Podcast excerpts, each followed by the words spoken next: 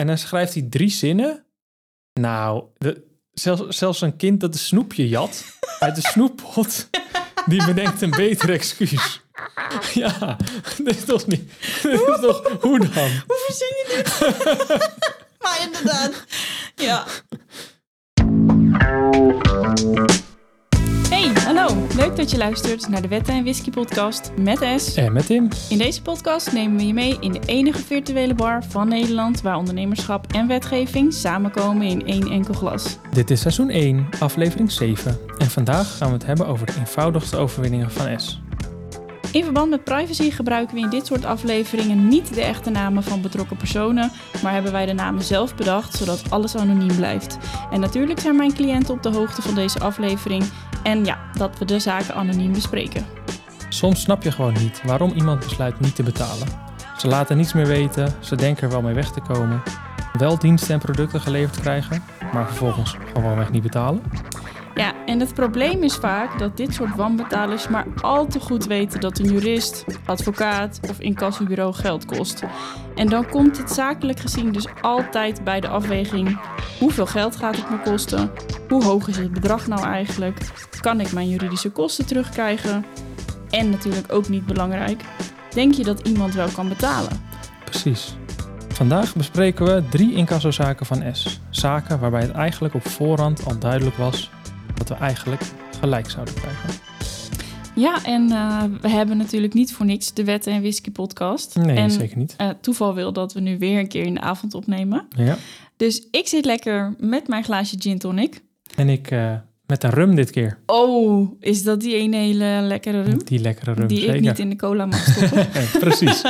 en ja, we gaan het natuurlijk hebben over mijn, mijn overwinningen. Dus ik denk dat we eigenlijk wel even mogen proosten. Zeker. Proost. Proost. Want uh, ja, laten we, laten we gewoon lekker beginnen. Precies. Laten we dan beginnen bij um, de sportschool van Herman. Herman heeft een uh, heel succesvolle sportschool en daar heeft hij ook uh, heel hard voor gewerkt. Wat was daar precies aan de hand, Tess? Nou, ik kreeg bericht van Herman. -hmm. um, de betalingen van zijn ja, sportschoolleden die lopen via automatische ja. incasso. Wel vaker met, ja, met sportscholen. meestal. Um, en um, Harry had al drie maanden gestorneerd. Hm. Harry is een lid van Herman. Precies. En um, ja, nou ja, als dat gebeurt, kan, het kan gebeuren. Drie keer achter elkaar zelf storneren. Het is, wel, een beetje raar. Maar het is een beetje raar, maar het goed, kan. het zou kunnen. dus Herman heeft uh, uh, Harry gevraagd om alsnog handmatig de uh, openstaande facturen... Doen, ja. ja, ja, hij heeft uiteindelijk nog een factuur gestuurd omdat het dus over die, uh, um, die incasso ging. Mm -hmm. um, Herman heeft geprobeerd Harry te bellen, te mailen, maar hij kreeg geen enkele reactie. Nee. Dus ja, toen was het de vraag, S, help. ja, precies. En we hebben het in deze zaak wel over, over een heel klein bedrag. Kijk, het is een sportschoolabonnement. Dus het gaat over 27 euro per maand, keer drie. Ook wel een tijdje terug, hè? Want... Ja, het is zo. Ja, oké. Okay, het is een tijdje terug, maar toch. Als ik nu dus nog naar de sportschool gaat... voor 27 euro, dan... Uh... Ja, vast wel. Maar het gaat dus om 81 euro, inclusief BTW. Maar dat zijn van die hele kleine bedragen. Is het dan überhaupt interessant om jou in te schakelen? Nou, dat ligt eigenlijk heel erg aan het bedrag en mm -hmm. aan het type klant. Want in dit geval gaat het om een particulier. Ja. En daarbij heb je dan de zogeheten staffel buitengerechtelijke incassokosten. Mm Mhm, -hmm. Mag je weer vergeten. um, maar in dit specifieke geval zijn die incassokosten daardoor vastgesteld op 40 euro. Ja, precies. Dus, dus, daar staat gewoon in, het is een particulier. Dus bij dit bedrag mag je Ja, dus altijd 15% van de waarde van de factuur. Maar altijd minimaal 40 euro. Ja, precies. En nou ja, je kan je voorstellen dat met een halve brief ja, die 40, dat die 40 euro is. is zo op. Ja, tuurlijk. Ja. um, dus, maar ja, stel nou dat het een zakelijke klant zou zijn... Mm -hmm. dan kun je daar bijvoorbeeld in je eigen algemene voorwaarden... andere afspraken over maken. Ja, dus niet minimaal 40 euro, maar nee, minimaal... maar minimaal 150 euro, zoals ik Ja. altijd doe voor mijn klanten. Um, en op die manier zijn jouw juridische kosten dan dus Ja, sneller Dan gedekt. heb je een hele brief in plaats van een halve brief. Ja, ook wel handig. Ik zeg ook altijd van ja, je moet eerst zelf die kosten wel betalen. Ja, Maar op het moment dat jouw klant betaalt, krijg je wel die 150 euro of meer, als het percentage dat toelaat, terug van je klant. Want Ja. die moet dat extra betalen. Dus heb je in feite mijn kosten weer terug. Ja, precies. Dus bij zakelijke wanbetalers is het eigenlijk veel makkelijker om die keuze te maken om wel of niet door te gaan dan bij een particulier. Want bij een particulier is de kans groot dat het je meer kost als het een Ja. klein bedrag is. Ja, inderdaad. Ehm, Maar is natuurlijk ook nog wel van een kale kip kan je niet plukken. Dus Ja. je moet ook wel een beetje, een beetje weten hoe of wat. Ik zeg in dat soort dingen ook eigenlijk altijd... Er zijn twee, twee soorten klanten. En of dat nou een zakelijke of een particuliere klant is... Nee, er zijn twee soorten wanbetalers. ja, precies. Ehm, je hebt wanbetalers die wel kunnen betalen, maar niet willen betalen. Ja, En je hebt ook eh wanbetalers die wel willen betalen, maar niet kunnen betalen. Ja. En Ja. dat is altijd, daar ga ik altijd een beetje op aan. Dat ik zeg van daar moeten we eerst achter komen. ja, ja, want als iemand geen geld heeft, dan kan je wel een rechtszaak starten, kan je een heleboel Precies. kosten maken en dan wordt hij wel veroordeeld. En diegene wil prima betalen, Alleen als hij gewoon niet kan betalen, dan wordt ja. het alsnog lastig. Ja. En dan zadel je diegene eigenlijk op met nog meer kosten. Ja. En ja, Ja. Ik, daar ben ik niet zo van. Nee. Dus daar probeer ik ook altijd goed naar te kijken met, eh, met mijn klant. Nee. Of we erachter kunnen komen in welke categorie ze vallen. Precies. Nou, en, maar in dit geval heeft het natuurlijk ook nog een andere kant. Het heeft niet alleen de zakelijke kant, de, de kant van oké, het is 81 euro en ga ik dat geld wel terugzien, gaat het me wat opleveren. Maar ja, Herman had ook het gevoel van ik heb gewoon altijd keihard gewerkt om te komen waar ik nu sta. En uit mijn principe kan ik je niet zomaar laten gaan als je niet betaalt. Want je kunt niet zomaar zeggen ik betaal niet meer en doei. Doei, Joep, doe er maar zo. Ja. dus, dus voor Herman was het ook gewoon echt een, een principe kwestie eh, geworden. ja, maar ook tegenover zijn, zijn andere leden. Ja. Want ja, hij heeft er nog, eh Veel. weet veel, 300, 400. En ten eerste zou het geen goed eh, beeld schetsen of geen goede, ja, hoe zeg je dat? Ehm, Nou ja, het, la- het laat wel zien van, goh, als je niet betaalt, Pre- dan ja, kom je er gewoon ik. weer weg. Dat bedoel ik. Ehm, en aan de andere kant is het gewoon niet netjes tegenover de mensen die wel iedere Ja. maand gewoon netjes betalen. En Precies. ja, hij vond dat hij dat niet kon maken. Nee, snap ik. Dus nadat we een 14 dagen brief hebben gestuurd, bleef de reactie nog steeds uit. Mhm. Dus toen kreeg Harry een brief met een verhoging Ter waarde van de incassokosten. En ja, als daar dan 40 euro bij komt, kan niet zo heel goed rekenen, maar dat lukt nog wel zonder rekenmachine, zitten we op 121 euro in plaats van 81 Ja. euro. Ja, dus toch alweer eh anderhalve maand sportschool. Ja, Maar even, even kort eh, side note, want je zei net 14 dagen brief. een paar nieuwe sneakers. Ehm, ja, niet een heel, pa- maar 121 euro. Kan ik nee, wel niet- 40 euro verschil. Ja, oké. Maar voor het totaalbedrag. Maar even een korte side note, want je zei net dus een 14 dagen brief. En particulieren moet je dus altijd nog in de gelegenheid stellen om hun schuld te betalen zonder dat daar extra kosten bij komen, toch? Ja. Dus we moeten ze eerst 14 dagen de tijd geven om alsnog te betalen. En ook meteen vertellen, stel je gaat niet betalen, dan komt daar nog 40 euro aan incassokosten bij. Ja. En dat is de 14 dagen brief die jij net noemde. Ja, sommige juristen noemen het ook wel een, eh een weekbrief. Maar 14 dagen brief, ja, dan weet iedereen eigenlijk meteen wat het Ja. is. Maar ja, Harry reageerde ook op mijn incassobrief niet. Dus ja, toen kwam de dagvaarding.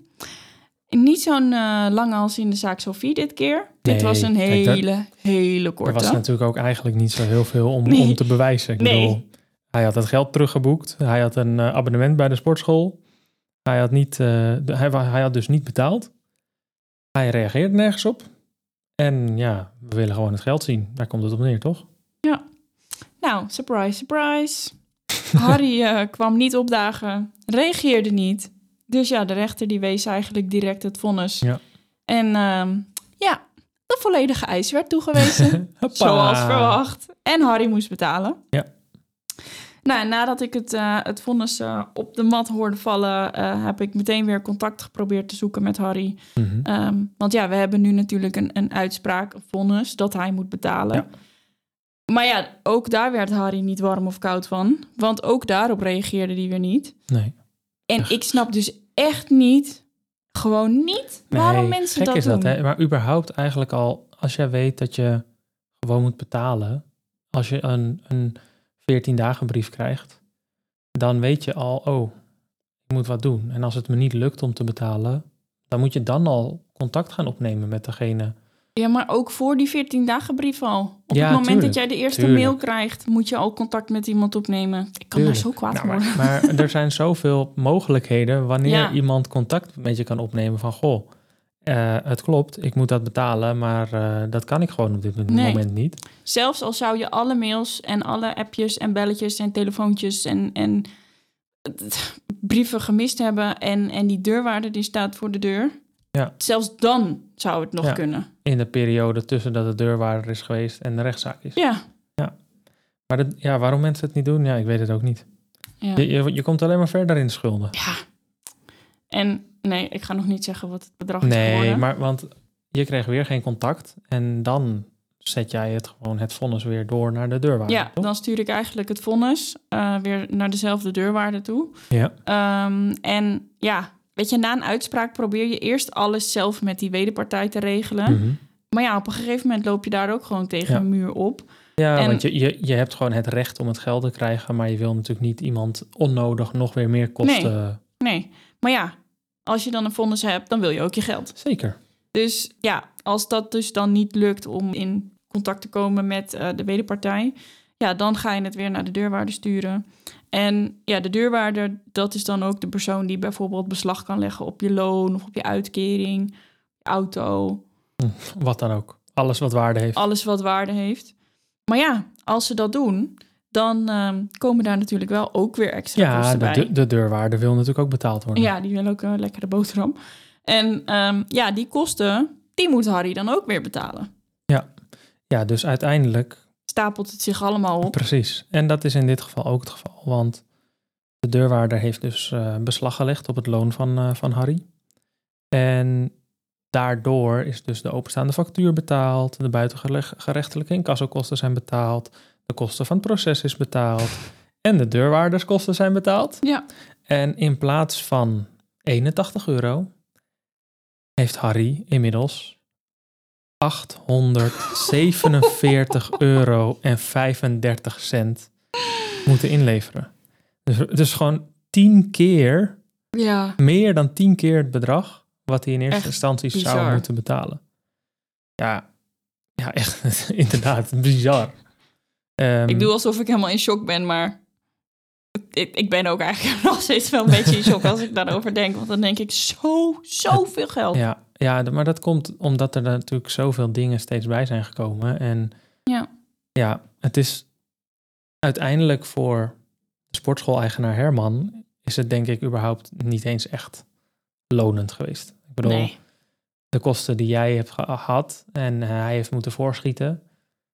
ja, daar is een heel deel wel van terugbetaald door Harry. Maar natuurlijk niet alles. Nee. Maar goed, maar in dit geval was was het natuurlijk echt een, vanaf een principezaak. ja. Herman zei ook, het maakt me eigenlijk niet uit, S. Ik wil dat we winnen en ik wil mijn geld. Ja. Nou ja, en dat is ook prima. Weet Tuurlijk. je, dat... Zeker. Kijk, en in dit geval, stel nou dat Harry na mail 2 of mail 3 had gemerkt... hé hey, eh, Herman, ik, eh, ik wil heel graag betalen, maar het lukt me even niet. Had Herman het helemaal geen probleem gevonden. Nee. Maar ja, ja, natuurlijk. in dit geval eh, is dat even anders gelopen. En, en ja, dan wordt het een principe kwestie. En ook bij principe kwesties kan het goed zijn om iets voor de rechter te laten komen. Zeker. Want in de zaak van Isabel en Iris speelde dat ook mee. Isabel was heel, was heel meegaand, Mhm. tot op een gegeven moment gewoon de koek op is. Ja, soms moet je uiteindelijk gewoon de knoop doorhakken. Ja. Nou, en dat deed ze op tweede kerstdag. dat op een dag dat ik denk, why? Je zou Ja, daar aan een familiediner. tafel... Ja. kwam het waarschijnlijk ter sprake. En toen dacht ze s'avonds, oké, ik ga S eh, Ja. even mailen. Ja, en de kerstperiode is al een dure periode. Ja, dus nou, ja, dan dan kom maar kan, door, kan je kom maar door. extra euro gebruiken. Nou, tweede kerstdag kreeg ik dus een mailtje van Isabel. Ehm, ze heeft een eigen administratiekantoor en ze had haar eerste wanbetaler te pakken. Ja. Nou, Isabel die eh, regelt alle administratieve rompslomp voor Iris. Mhm. En Iris betaalde daar elke maand een vast bedrag voor. Ehm, dat ging twee jaar lang goed, Ja. zonder enige problemen. Totdat Iris in de privésfeer wat problemen kreeg. Ja, dat kan ook natuurlijk heel vervelend zijn. Ja, tuurlijk. Je kan wat dat betreft. Kijk, soms, ligt, soms heb je net wat met de ene klant wat beter contact dan de ander. Dus dan weet je een beetje wat er aan de hand is. Maar anderzijds is het natuurlijk gewoon business is business. Tuurlijk. Dus, maar valt altijd wel wat voor te zeggen. Maar ja, Iris is in dat geval heel coulant. Ah, ehm, Isabel. Isabel, sorry. ja, ik vond het heel leuk om deze namen te bedenken. Harry ik en Herman en Isabel en ik dacht Iris. zo, jij bent, eh, ik, zal ik ze do- door elkaar zetten, want we hebben nu alles met eh, dezelfde letters. Ja, maar ik vond dat ergens heel grappig, maar nu gaat het mis. Nu denk je, oh, oeps, wie was wie ook weer? Nu zijn het ook twee vrouwen. Ja, net waren het twee mannen. Ja, Maar komt goed. Ehm, ja dus I- Isabel is Iris, heel Iris coulant. heeft problemen Ja. in de, in de eh, Ja, ja. privésfeer. Iris is die de klant van. Isabel. Ja, En Isabel is daar heel coulant eh, over eigenlijk. precies. Maar Iris, die maakt daar dan vervolgens misbruik van. Want er staan 14 facturen open. Oeh. Ja. Ergens zou je denken, misschien als je bij een factuur nummer 5 al aan de bel trekken. Maar ik kan me ook voorstellen dat als je al twee jaar goed met elkaar omgaat... en er wordt twee jaar lang gewoon iedere maand betaald... dat je denkt, het komt wel. Ja, maar 14, Ja, is 14 wel maandelijks veel. factuur is wel Veel. heel, heel veel. Ja. Maar goed, Totaal om en nabij 1500 euro. Ja. En nou, voor toen op dat moment was, eh, was het voor Isabel de wat maat vol. En eh, die heeft mij om hulp gevraagd. ja, je stuurde eerst een mailtje naar Iris. En daar kwam geen enkele reactie op. Nee. Dus toen kwam de volgende stap, de Aangetekende brief. Inclusief de verhoging van de Volgens incassokosten. mij weten de luisteraars nu gewoon al wat er gaat komen. Tuurlijk, zometeen bij, de hebben volg- zo- bij de volgende zaak weten ze het al. Nee, niet meer te zeggen. Maar nou, inclusief incassokosten van 224 euro en 62 cent. Toen kreeg je wel een reactie, want Iris die ging je bellen. En dat was eigenlijk best wel een goed gesprek. Mhm. Ehm, ook ik kreeg al eh, privé ellende over me heen. maar goed, kan ik me ook wel voorstellen dat je toch wat uitleg wil geven over wat er aan de hand is. En ehm, nou, ze vroeg om een laatste betalingsregeling waar ze zich echt, echt aan zou gaan houden.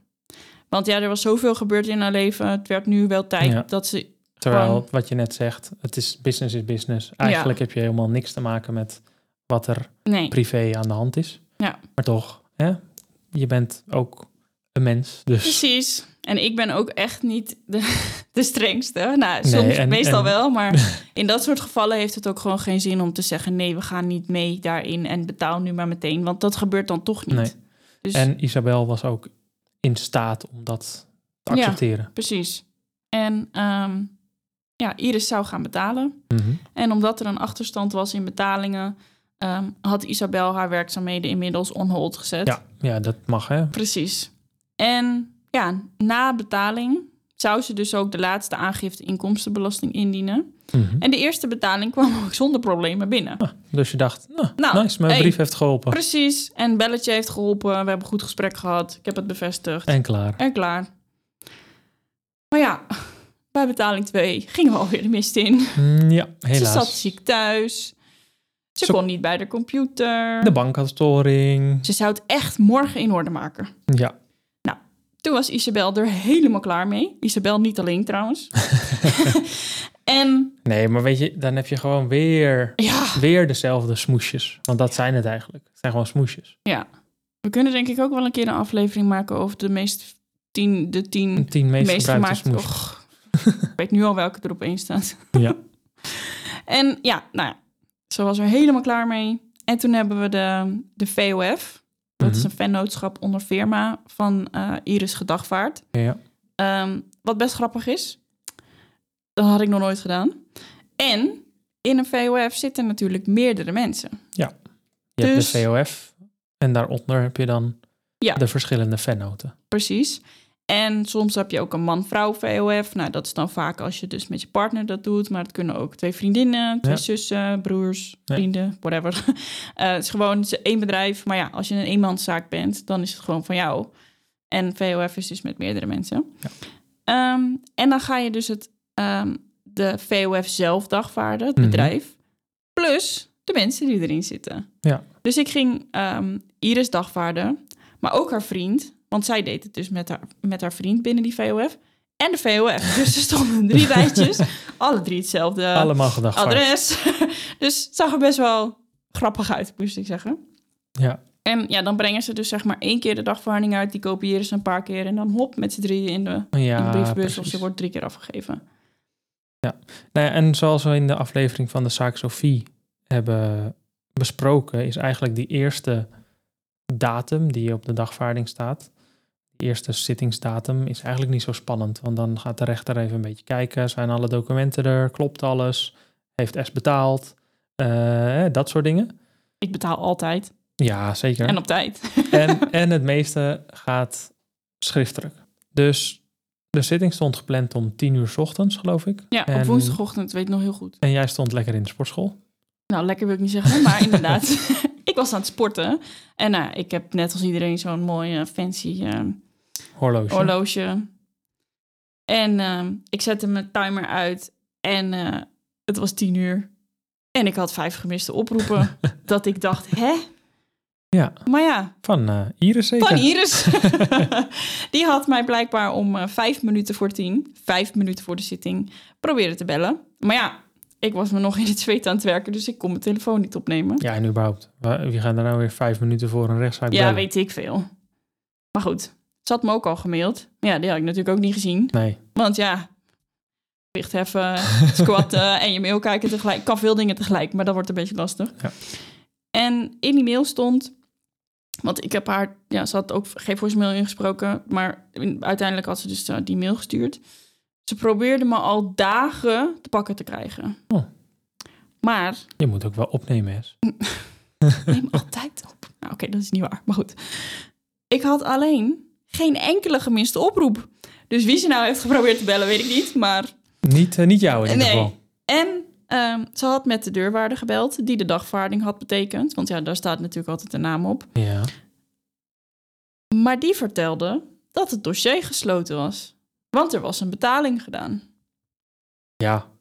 Maar ik neem aan dat dat dan de, de, het dossier Van mij van jou is. Ja, Dus jij hebt aan de, aan de dag... eh, ik heb de opdracht de, gegeven de dagvaarding bij de deurwaarder neergelegd. Precies. En ik heb netjes En meteen die factuur betaald. betaald. Dus zij, Dus case closed ja, voor de zij deurwaarder. hebben dat ding betekend. En eh, doei. Ja, Maar Dus, ja, weet je, ik denk dat dat... het- Ja, het is een, een vage, vage dingen, maar ik denk dat je dan ook een beetje komt bij... Nou ja, het spreekwoord eigenlijk, hè? Kat in het nauw maakt eh, hele rare sprongen. ja. Maar wel, wel kudo's voor deze vrouw dat ze, zo, dat ze zoveel lef had. Want ik zou in zo'n geval dus echt niet de rechtbank durven bellen. Want ze had de rechtbank gebeld op het moment van de zitting.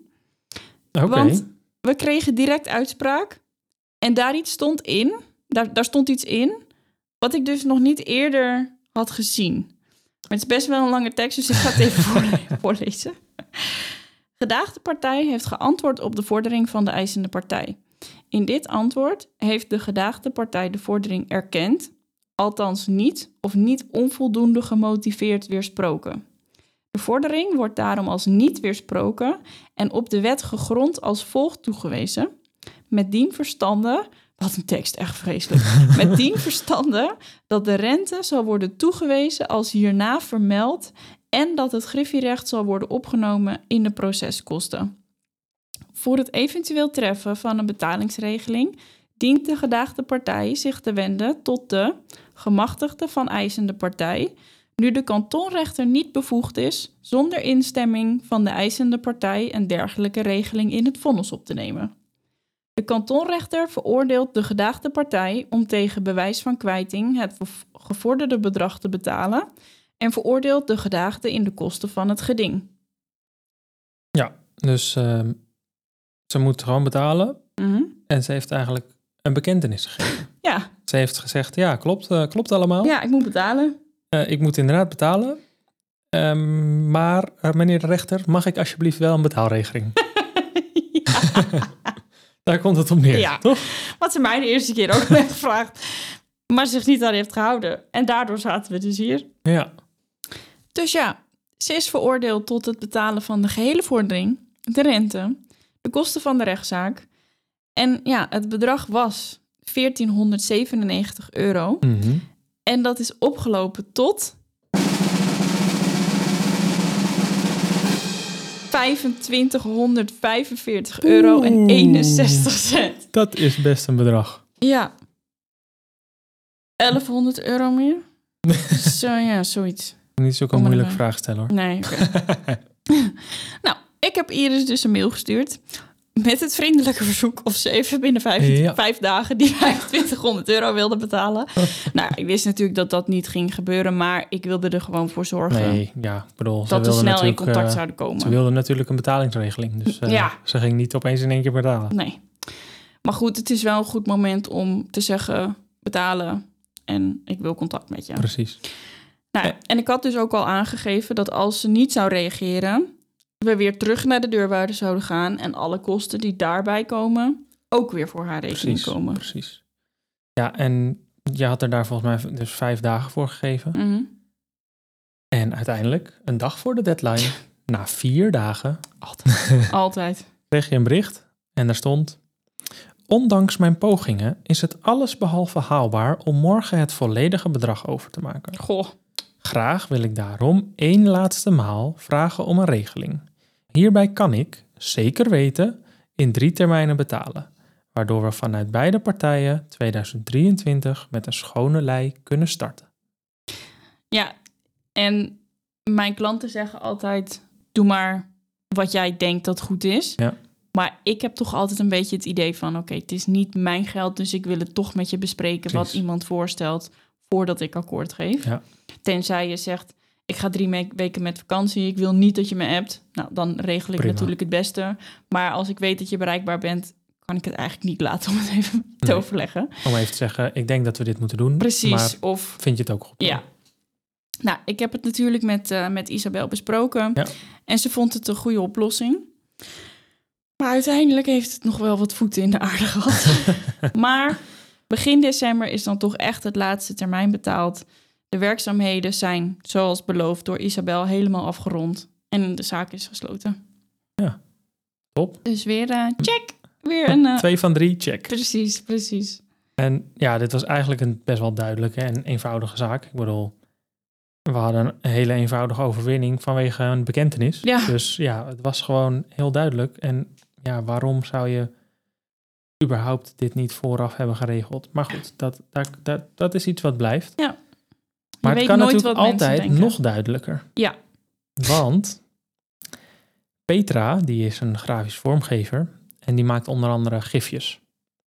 En voor Pim, ja joh, Petra, Pim, Harry en Herman, Iris en eh, Isabel. Weet je dat Harry en Petra uit BNB Vol Liefde zijn? Oh ja, ja, ja, ja.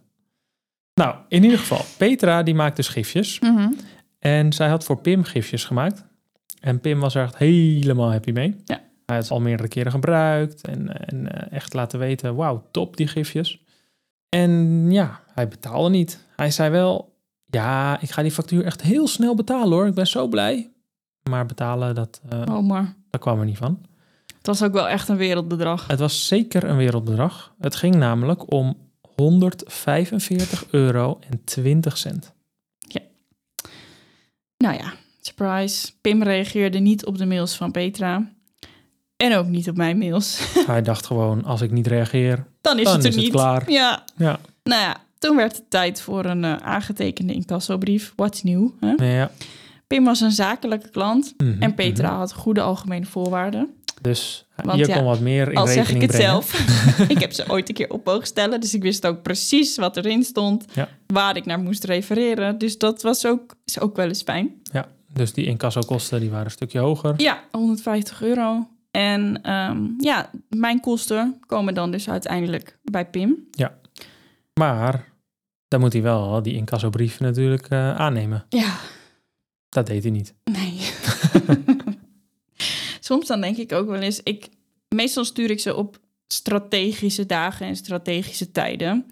Ik kijk even op Google, is het een huis of is het een kantoorpand? Want Ja. ja. kantoorpand hoef ik het niet op vrijdag te versturen, want op zaterdag is er niemand. Precies. Is het een huis? Nou, dan kan het de hele week. Ja. Ehm, Of misschien juist eh, op Of- vrijdag versturen dat het in het weekend aankomt. precies, precies. En ik stuur hem ook altijd dubbel. Mhm. Of eigenlijk zelfs drie keer. ik spam je gewoon helemaal totdat je er maar helemaal knettergek van wordt. Eén keer met gewone post, dus met een postzegel. Ja. Eén keer aangetekend. Mhm. En een keer per mail. Ja. Nou, als je dan één van die drie niet ontvangen hebt, Dan, Dan heb je weet er ik nog wel steeds zeker- twee dat je, die je wel kan lezen. ja.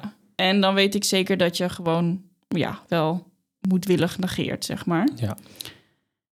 En ehm, ja, alle communicatie tussen Petra en Pim was door Petra bewaard. Mhm. Dus in mei stond de deurwaarder bij Pim. We kunnen het ook wel... Ja, nu zijn we te laat. Maar ik wilde zeggen, we kunnen wel even vragen aan de luisteraar... of denk even na, wat is de volgende stap? ja, inderdaad. nou, een dagvaarding.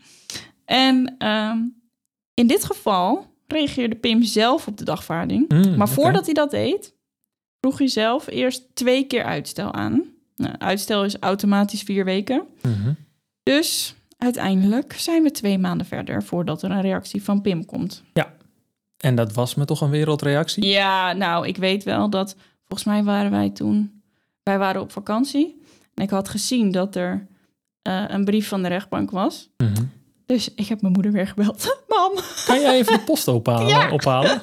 want inmiddels woonden wij wel al samen. Ehm, en er was post, dus ik zei... Mam, wil jij even naar ons huis rijden? En wil jij even de post openmaken? Want ja, ik, ik wilde ook weten wat erin stond. Want stel je voor, er was iets dat ik nog moest aanleveren of wat dan ook. Kan ik niet drie weken wachten als daar bijvoorbeeld een termijn in genoemd wordt. Nee, nee. Zal niet zo snel gebeuren, maar... En Stel jullie weten dat. het, ik heb geen geduld. ben nieuwsgierig, ik wil alles weten. En toen kwam hij echt met een geweldig verweer. Hij heeft dus twee maanden, eigenlijk langer zelfs... Ja. want hij heeft eerst een periode natuurlijk na de dagvaarding... tot aan de Ja, dus eerste eigenlijk heeft hij drie keer vier weken. Dus hij heeft drie maanden heeft hij kunnen nadenken over een verweer. En dan komt hij met één. De rechtszaak, die was volgens hem eigenlijk gewoon helemaal onnodig. Vol- En die- ja, volgens mij ook. Als je gewoon had betaald. Precies, maar volgens hem ook. En het bracht alleen maar onnodige kosten met zich mee. En naar zijn mening hoefde hij toch niet op, op te draaien voor die kosten. En punt twee, Soms, hè, sorry dat ik je onderbreek. Hoe gaat de gedachtegang van dat soort mensen? ja, weet ik niet. Wat, wat, wat gebeurt er in je hoofd dat je dit op papier zet en naar een kantonrechter stuurt? Ja, nou ja, dat is het nadeel van zelf reageren, denk ik.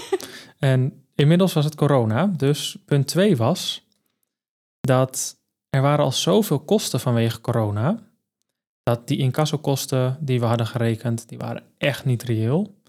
En hij was ook echt dus niet in staat om die kosten te voldoen.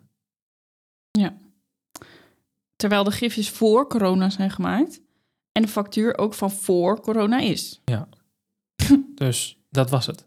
Dat was het. Hij heeft, hij heeft gewoon een paar maanden, gewoon twee, drie maanden, heeft hij nagedacht. Heeft hij twee keer aan die, aan die rechter gevraagd: Goh, ja, ik moet toch echt nog wat meer tijd hebben om een reactie op te stellen. Ja, En dan schrijft hij drie zinnen. Nou, de, zelfs, zelfs een kind dat een snoepje jat uit de snoeppot, die bedenkt een beter excuus. Ja, dit is toch niet. Dit is toch, hoe dan? Hoe verzin je dit? Maar inderdaad. Ja. Ja. Ik weet nog wel dat ik... Ik moet nu denken aan iets, aan iets van vroeger. Oh, ik schaam me dood dat ik dit ga vertellen. Maar goed. Ik, ik was een keer met mijn moeder in de Manfield. Mhm. En dat was met kerst. En daar stond een kerstboom vol met allemaal van die... Ja, ehm, zilveren spiegeltjes of zo. Nou, En toen hoe was oud het, was je toen? Weet ik veel, een jaar of vijf, zes of zo. Ja, oké. Ja, dat was niet vorig jaar. Nee, precies. Ja, maar ja. Ik bedoel, je komt wel vaker met je moeder in de Manfield. Ja, dus, dat is eh, waar. Maar we waren daar en ik dacht, oh, dat is mooi. Dus ik had het in mijn zak gestopt. Oh, Ja. En toen, mevrouw de gingen we naar, jurist heeft gewoon wat gestolen als kind. en toen ging ik dus naar, eh, eh, naar buiten. En toen haalde ik het uit mijn zak. Dus mijn moeder zegt, wat heb je daar? Hoe kom je daar aan? dus ik met mijn lood in mijn schoenen terug naar die winkel. Bij de balie gezegd dat ik het uit de boom had gehaald. Omdat ik het zo mooi vond. Dat was dus mijn excuus. Ik vond het gewoon heel erg mooi. Heel erg mooi. Ja. Ja. en ja, nou, toen heb ik het dus teruggebracht. En sorry gezegd. En sindsdien heb ik nooit meer wat gejat, want ik vond dat zo, zo erg. Ja, je moest terug naar de winkel Ja. waar je het vandaan had. Snap je? Maar ja, als meisje van 5, 6. dus ik had wel, ik had geleerd, forever. maar ja, eh, daar moest ik even aan terugdenken nu je Toen ik het zegt. over de snoeppot Ja. had. Ja, precies. Maar ja, de rechter die was ook niet zo helemaal blij met, eh, Nee, wat denk met je? het verweer. Wat, Dan eh, ga je het zo lang uitstellen en dan kom je met zo'n zo'n flutexcuus. ja, dat doe Ja, hoe dan? Ja. maar ja, goed. De rechter die is dus totaal niet ingegaan op dat Mm. hele verweer. Die Mm. dacht, nou, dit verweer is eh, überhaupt niet interessant om het over te hebben. En hij heeft Pim veroordeeld. Tot het betalen van het volledige bedrag. De incassokosten, de rente, de kosten van de rechtszaak. Nou ja, en de kosten voor Pim na een paar brieven en een dagvaarding. 657 euro en 93 cent. Hoppa! Ik kan dit bedrag niet uitrekenen, want het is onhandig. Dus, Ja, maar in ieder geval ook weer ontzettend veel geld voor niks. Had er allemaal niet gehoeven. Nee, want twee dagen nadat ik het vonnis had ontvangen, heb ik Pim gemaild. Binnen 20 minuten. Hij kan het dus wel. hij kan gewoon Had heel goed er- negeren, maar hij- hij kan, het, hij kan ook reageren. Had ik een reactie. Hij wilde in twee termijnen betalen. Nou, dat snap ik, met zo'n bedrag. Ehm, dat vond Petra oké. Maar uiteindelijk besloot Pim dat hij het toch maar gewoon in één keer wilde voldoen. Hm. Dus drie dagen later stond het hele bedrag op mijn rekening. Ik kon Ja. het weer naar Petra overboeken. Mission accomplished, case closed. Het is het toch, ja, het was toch echt wel te veel geld, hè, wat hij moest betalen. Ja. Dat was zijn excuus. Maar ja, het kon dus blijkbaar wel. Maar weet je, ik, ik weet het niet, maar ik hoop dan altijd dat mensen die mij in zo'n geval treffen, want ik zet dus door in dit soort gevallen, dat ze dan daarna denken, oké, ik flik dit niet nog een keer. Ja. Dus en ik heb voor mijn, mijn klant of cliënt ehm, het beste resultaat bereikt, want zij hebben al hun geld terug in wat ze erin gestopt hebben. In de meeste gevallen is ook terugbetaald. In ieder geval een, een groot deel daarvan. Ja. Ze hebben hun factuur betaald gekregen. En ik hoop dan eigenlijk dat we ervoor zorgen dat degene die dit flikt, het niet ook nog weer bij iemand anders doet, zeg Ja. maar. Ja, en dat, maar dat is denk ik ook inderdaad grotendeels de principes van jouw klant. Ja, Of ze dat wel of niet willen doen. Hè? Kijk, hoe hoger het bedrag, hoe makkelijker de keuze natuurlijk. ja, Je ziet het, een rechtszaak hoeft helemaal niet heel lang te duren, hoeft niet super ingewikkeld te zijn. Soms weet je gewoon, dit kunnen we niet verliezen. nee, De zaak gaat gewoon echt een eitje zijn. ja. En is het het altijd waard om juridische stappen te zetten?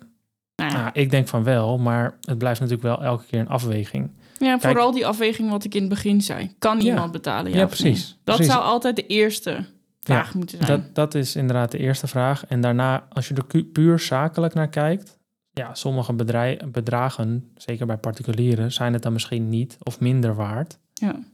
Maar als het zakelijk is, ja, dan maak je gewoon die, die eh, afspraken in je algemene voorwaarden over de incassokosten. Dan is het het eigenlijk altijd waard, ook al is het 15 euro. Ja.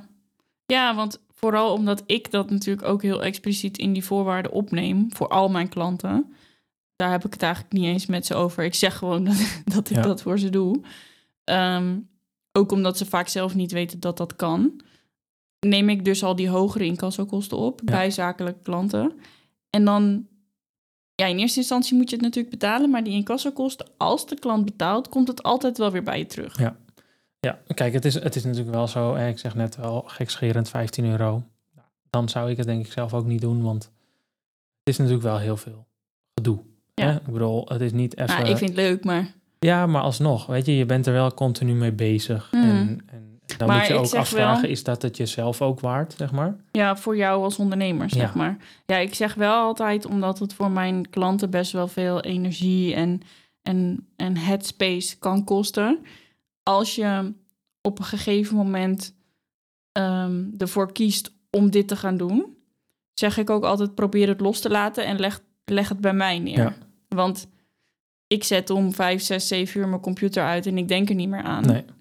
Tenzij Ik, eh, Nee, en, Weet je, en, en- en het dus kan ook gewoon heel lang duren. Kijk, hè, in, in dit soort zaken duurt het allemaal niet zo lang. Maar Nee. alsnog zijn we, hè, als we het hebben over niet zo lang, ben je toch nog een half jaar bezig. ja.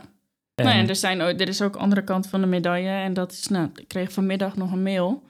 Ehm, ergens in, weet ik veel, januari heb ik de, januari was geloof ik, de dagvaarding gestuurd. Nou ja, er is inmiddels, eh, is er een uitspraak en eh, nou, ja, alles toegewezen. Surprise. en ehm, ja, er is geen, geen loon, er is geen uitkering. Of nee, er is wel een uitkering, maar die is nu stopgezet omdat die ja, mevrouw... dus de- er was wel geld, maar nu inmiddels is ook er niet geen meer, geld meer. Want de arbeidsongeschiktheidsuitkering is stopgezet omdat ze ook niet reageert op contact van de arbeidsongeschiktheidsverzekering.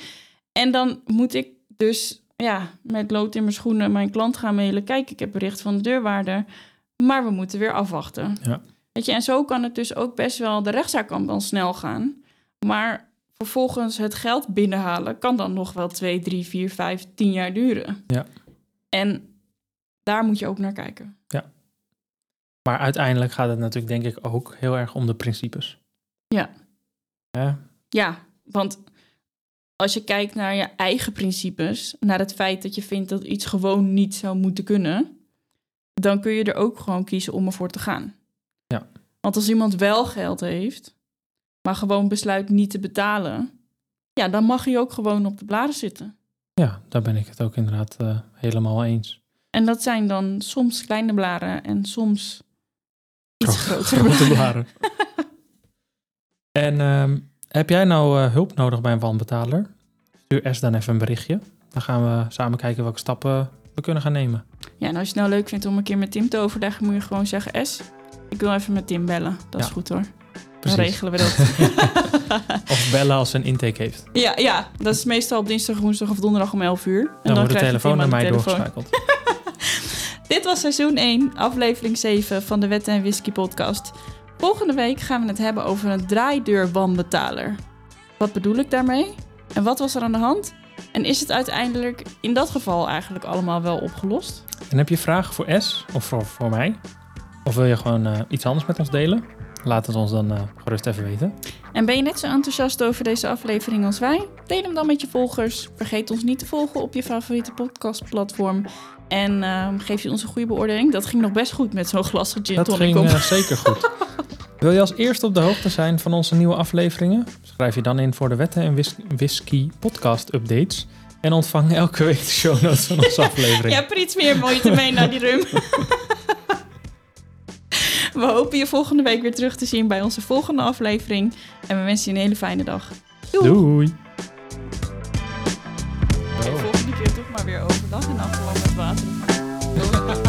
Zo warm nu ook. Maar het is